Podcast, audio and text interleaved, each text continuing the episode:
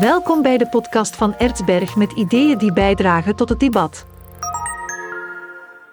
Welkom iedereen bij een nieuwe podcast van Erzberg. Deze keer internationaal en spijtig genoeg wel internationaal via het internet. Ik heb niet de luxe om nu in Catalonië te zitten en te genieten van het prachtige Spaanse weer, maar mijn gasten vandaag die zit daar wel. Welkom Sarah de Vlam. Uh, hoe is het weer daar eigenlijk in Spanje op dit moment? Ja, ik woon uh, zelf in de Pyreneeën. Uh, hier is het wisselvallig, zoals ze op zijn Belgisch zouden zeggen. een beetje zonnig, een beetje bewolkt. Straks zal er waarschijnlijk iets uit de lucht vallen. maar dat gebeurt ook wel eens in Spanje. Hè? Uiteraard, en gelukkig maar uh, moest er geen regen vallen. Nu goed, uh, we zijn er niet om over het weer te praten. Je hebt een boek geschreven, Het Catalaanse Labyrinth.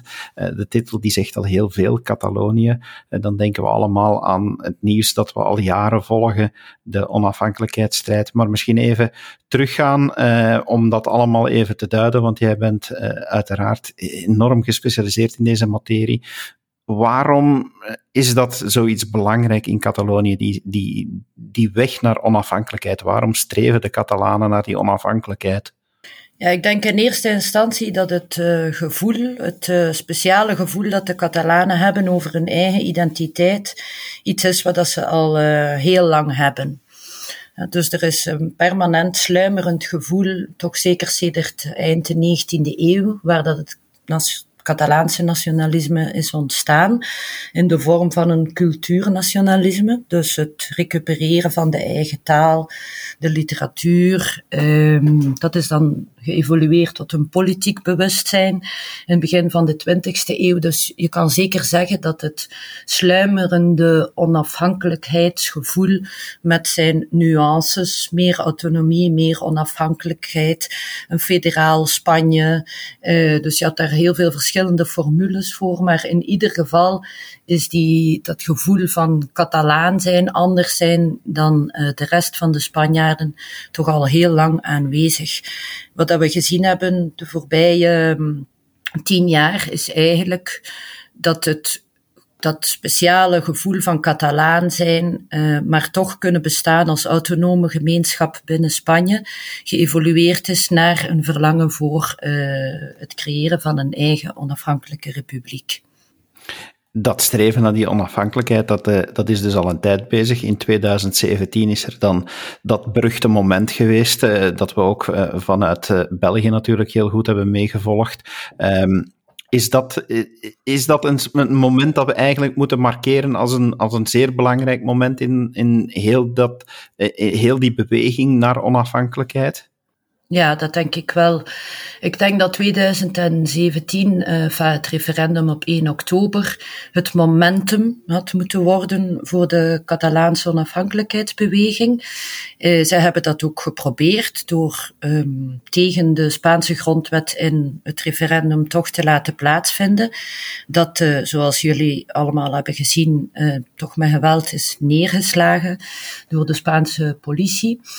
Um, desalniettemin is daarna een onafhankelijkheidsverklaring gevolgd, weliswaar niet geratificeerd, maar van zeer grote symbolische waarde.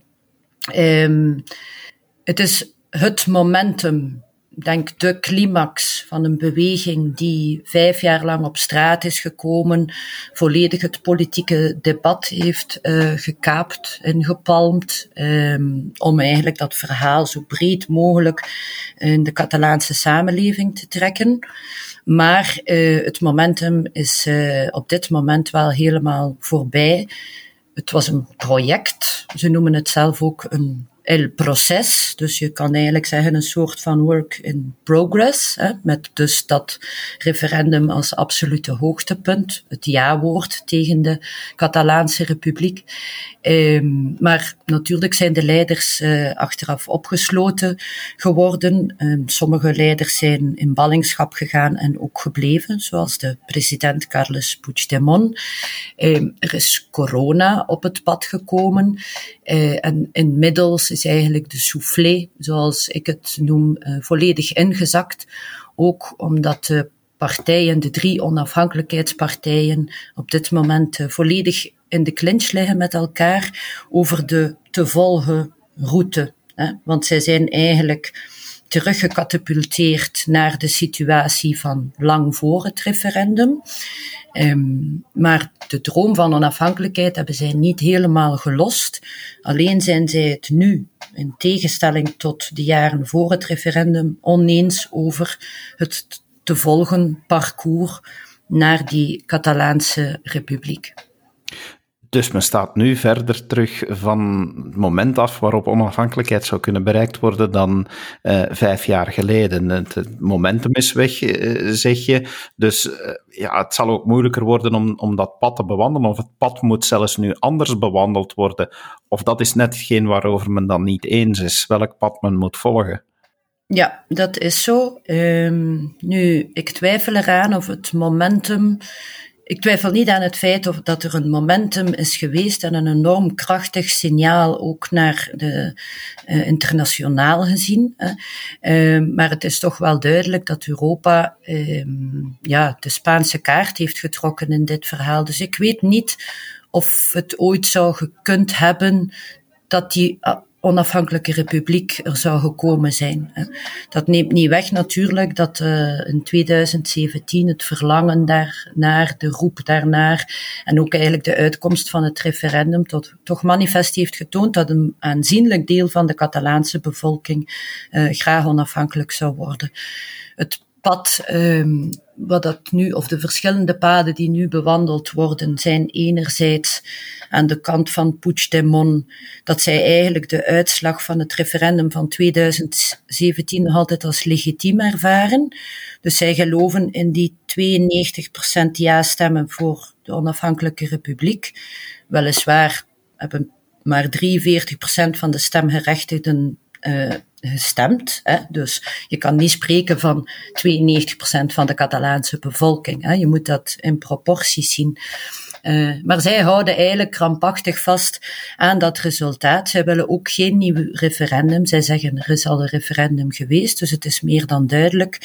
Um, terwijl hun ex-partners, de linksrepublikeinen, Esquerra Republicana, in zee zijn gegaan met Spanje, opnieuw de dialoog willen aangaan en het project er eigenlijk opnieuw een lange termijn project van hebben gemaakt. Dus zij geloven dat ze kunnen uitgroeien tot een veel breder draagvlak nog, misschien de nodige, um, ja, niet 92 ja-stemmen op 43% kiezers, maar 92 ja-stemmen op veel meer, eh, een veel hoger percentage. Dus een echte meerderheid in de bevolking zelf. Daar uh, zijn zij aan aan het werken. Um, maar ook in overeenstemming met uh, de Spaanse staat. Dat vinden zij nu toch ook wel belangrijk. En ik denk dat dat te maken heeft met de erkenning van, van de Europese Unie in eerste instantie. Wij hebben hier altijd het idee, als we kijken naar, naar Catalonië, en uh, zeker dan diegenen die jouw boek nog niet gelezen hebben, van, uh, als, we, als we daar naar kijken en, en we begrijpen het minder eigenlijk, dat we, dat we gaan zeggen, oké, het verschil tussen, want we bekijken dat natuurlijk altijd met een Vlaamse bril, het verschil tussen het streven dat er in Vlaanderen is en in Catalonië is, dat uh, waar het in Vlaanderen meer rechts gekleurd is, is dat het in Catalonië meer links gekleurd is. Maar na het lezen van jouw boek had ik toch wel het gevoel van, oh, dat is te simplistisch om het zo te stellen. Ben ik dan fout? Ja, dat denk ik wel. Ik denk dat het belangrijk, voor mij in ieder geval was het belangrijk om aan uh, de Vlamingen uit te leggen dat er dus een hele sterke links-progressieve kant is aan het Catalaanse onafhankelijkheidsstreven. Dus hetgene wat dat jij daarnet zei ook. Maar uh, het is zeker zo dat er ook een centrumrechtse of meer behoudsgezinde stroming is binnen het uh, Catalanisme. Uh, dan denk ik bijvoorbeeld aan de partij van Puigdemont, die een erfenis is van de oude uh, Convergencia y Unión. En dat was eigenlijk een christendemocratische, nationalistische partij met op economisch, sociaal vlak toch eerder rechtsliberale ideeën het progressieve etiket dat het Catalaanse nationalisme krijgt, denk ik, heeft veel te maken met de ethische kwesties. Zij zijn uh, zeer feministisch bijvoorbeeld, op dit moment toch. Hè? Het is niet van ouds her, maar intussen tijd is dat wel zo. Um, zij hebben zeer progressieve ethische ideeën over maatschappelijke thema's. Maar je mag dat eigenlijk niet verwa verwarren of zomaar gaan mengen met de sociaal-economische agenda. En het is ook zo dat er toch wel een deel uh, van de Catalaanse nationalisten toch wel nog zeer uh, traditionalistisch zijn. Ik zal niet zeggen stamboomnationalisme of etnisch nationalisme. Daar heeft het niet zoveel mee te maken, maar met een enorme geaardheid in wat dat zij de terra noemen. Terra um, is een woord dat je kan vertalen als land of grond, maar het heeft een hele affectieve lading. En dat, die is dan verbonden met geschiedkundige gebeurtenissen. Uh, dus ik zou het eigenlijk een soort van historisch uh, geïnspireerd nationalisme noemen. Veel meer dan een stamboom nationalisme in dan de huidige politiek na het momentum van 2017, wat is het grote verschil met, met de periode voordien? Uh, in, uw, uw boek lees ik dat u onder andere schrijft dat, dat er jarenlang in de Catalaanse politiek bijna uitsluitend oog was voor die strijd naar onafhankelijkheid. Is dat dan nu veranderd? Is in de Catalaanse politiek nu meer aandacht gekomen voor andere onderwerpen? Het onafhankelijkheidsstreven blijft, maar men geeft nu ook terug aandacht aan andere onderwerpen? Ja, dat is zeker zo. Nu, in de nawegen van het referendum heeft het toch nog twee jaar geduurd. Eigenlijk heeft dat veel te maken met uh, in Spanje de overgang van de regering van de PP, van Mariano Rajoy, naar uh, een regering onder socialisten en uh, de mensen van Podemos, onder leiding van Pedro Sánchez. Dat, is, dat zijn Spaansgezinde politiekers maar dat is toch van een ander kaliber dan de Partido Popular, uh, Ciudadanos of Vox. Die hebben nooit deelgenomen aan een regering, maar de rechtse Spaanse zijde. Hè. Um, anderzijds, um, ja, kom nog eventjes terug op jouw vraag, David, want ik ben mijn draad kwijt.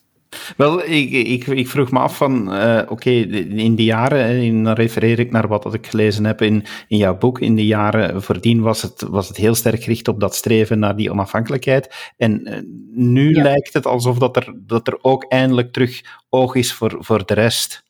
Ja, wel, zoals ik zei, dus uh, Spanje is dan een meer progressieve linkse regering aan de macht gekomen.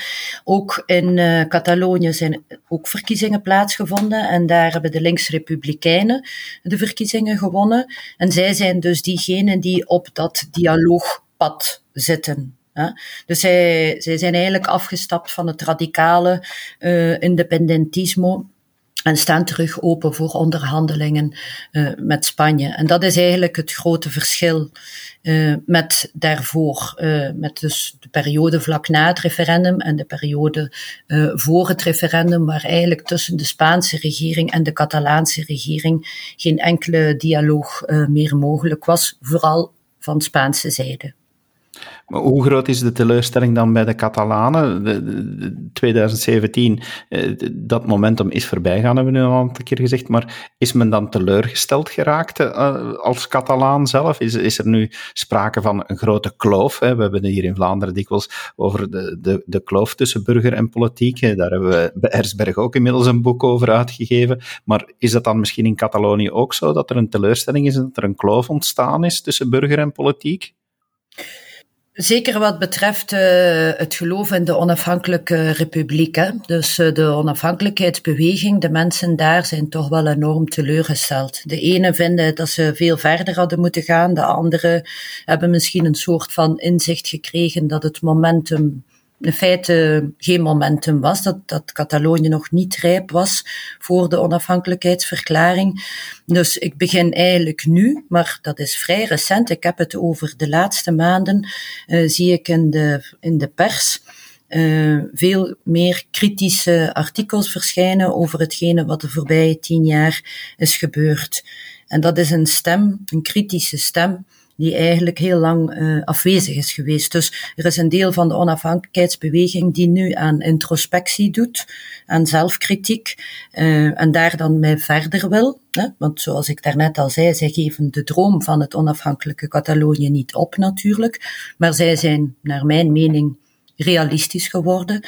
En dan is er dus dat ene deel dat eigenlijk vindt uh, dat ze eigenlijk nooit hadden mogen opgeven en die de links-republikeinse partij, dus die nu aan het praten is met Madrid, uh, beschouwt als uh, botiflers. En botiflers is zowat het uh, grootste scheldwoord dat je kan geven aan een uh, Catalaanse nationalist, want dat betekent eigenlijk uh, zoiets als de verrader van de Catalaanse zaak.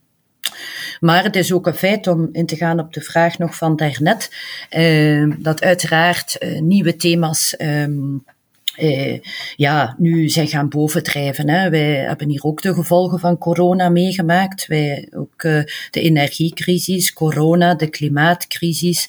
Uh, men zet heel hard in op het feministische thema hier ook.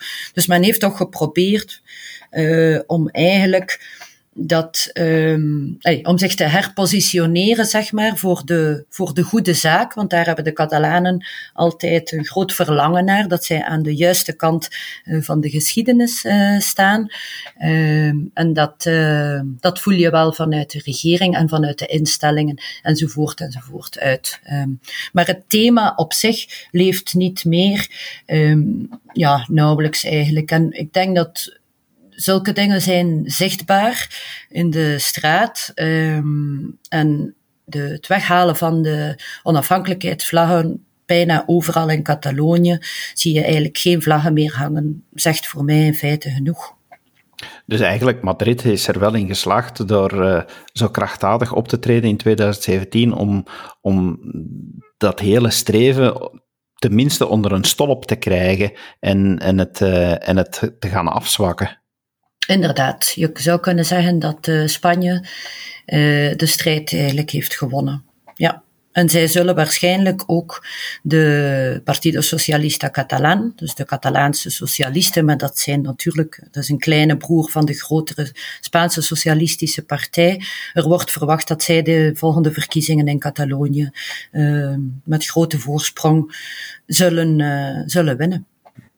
Jouw boek, om het daar nog even over te hebben, is, is eigenlijk een heel grondige analyse van uh, ja, hoe het allemaal tot stand is gekomen. En geeft, geeft heel veel duiding en uitleg. Uh, waarom vond je dat belangrijk om, om dat naar buiten te brengen? Eh, vond je, waarom, waarom vond je dat we dat eigenlijk allemaal moesten weten en allemaal moesten leren begrijpen? Ik denk dat dat voor een stuk uh, een beetje de schuld is van Karel, de uitgever zelf, die toch een grote zwak heeft voor Catalonië. Dus uh, als hij dan vernam dat er een boek zou kunnen geschreven worden over de Catalaanse zaak, was hij meteen heel enthousiast en ik zelf natuurlijk ook. Um, maar um, wat ik heel interessant vind aan, uh, kijk, um, je hebt het Vlaams nationalisme. Ja? Um, en bij mij is het woord uh, nationalisme heeft voor mij altijd een uh, negatieve bijklank gehad. Iets, uh, iets vies, um, met een zware rugzak. En ik heb zelf de oefening proberen te maken door in Catalonië te wonen. Ik ben hier in 2012 te komen wonen om niet langer met een vooroordeel naar uh, alle nas regionale nationalismen in de wereld te kijken. Ik ben daar eigenlijk gewoon toe verplicht geworden. Dat was voor mij een uitdagende oefening. En ik denk dat het uh, boekschrijven uh, mij enorm heeft geholpen om mij daarin te herpositioneren en een onafhankelijkheidsverlangen op een andere manier te kunnen bekijken. Wat niet betekent dat ik het zomaar ga steunen of hen daar zomaar in volg. Maar in ieder geval heb ik het woord onafhankelijkheidsstreven of nationalisme toch op een of andere manier uh, leren neutraliseren. En dat vind ik wel belangrijk, dat je vanuit uh, Vlaanderen of Nederland of Frankrijk, landen waar dat woord nationalisme zo geladen is, dat je toch kan proberen om, als dat ook gebeurt in een ander land, daar met een uh, neutralere bril naar te kijken. Want ik merk dat ook wel op Facebook bijvoorbeeld, hè, de sociale media in het algemeen. Um, Je hebt enerzijds een hele grote sympathie voor de Catalanen, maar je hebt ook nog een grote uh, groep mensen die eigenlijk zich onmiddellijk heeft afgesloten voor het Catalaanse nationalisme en het gaat beschouwen als separatisme. Enfin, het eigenlijk over dezelfde lijn trekt als uh, wat nationalisme ooit is geweest uh, bij ons uh, in Vlaanderen bijvoorbeeld. Ja. Wat verwacht je dat er nog de komende jaren gaat gebeuren in Catalonië? Uh, gaat het zachtjes aan verder kabbelen of gaan we daar toch uh, dingen zien veranderen omdat er nu misschien op een andere manier gesproken wordt met Madrid? Ik denk dat het eerder verder uh, zal kabbelen, maar dat hangt af van de politiek natuurlijk. Um, mijn voorspelling is, zolang Spanje progressief blijft en uh, de linkse Spaanse zijde erin slaagt om met de linksrepublikeinen in Catalonië um, een, een. Excuseer, hè. Dat is mijn zoon. Kunnen wij even uh, stoppen? Ja. Stel die vraag dan nog eens opnieuw. Uh, dat... Sarah, hoe denk je dat het nu allemaal verder gaat evolueren in Catalonië? Gaat het uh, stilletjes aan verder blijven, ja, verder sluimeren, verder blijven uh, aanmodderen? Of uh, gaat er toch wel wat veranderen omdat er nu meer politiek kan onderhandeld worden? Ik denk dat het, ehm, het op dit moment zal het zeer moeilijk zijn om uh, nog eens een massa op de been te brengen, zoals we gezien hebben uh, voor en tijdens het referendum van 2017, uh, van zo'n grote groep mensen die zich gaan engageren voor de Catalaanse zaak. Dat is heel duidelijk. Hè. Ehm, het meest voorspelbare is dat zolang er in eh, Spanje en in Catalonië een, een links-progressieve um, regeringen aan de macht zijn. En dan vooral in Catalonië links-republikeins die meer tot onderhandelingen bereid zijn. Eh, dus zolang dat eigenlijk zij op een of andere manier een blok kunnen vormen, zal het denk ik vrij rustig blijven in Catalonië.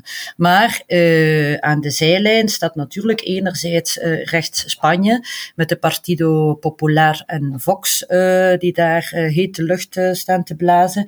En ook de partij van Puigdemont is zeer onwillig om mee te stappen in uh, de dialoog met Madrid.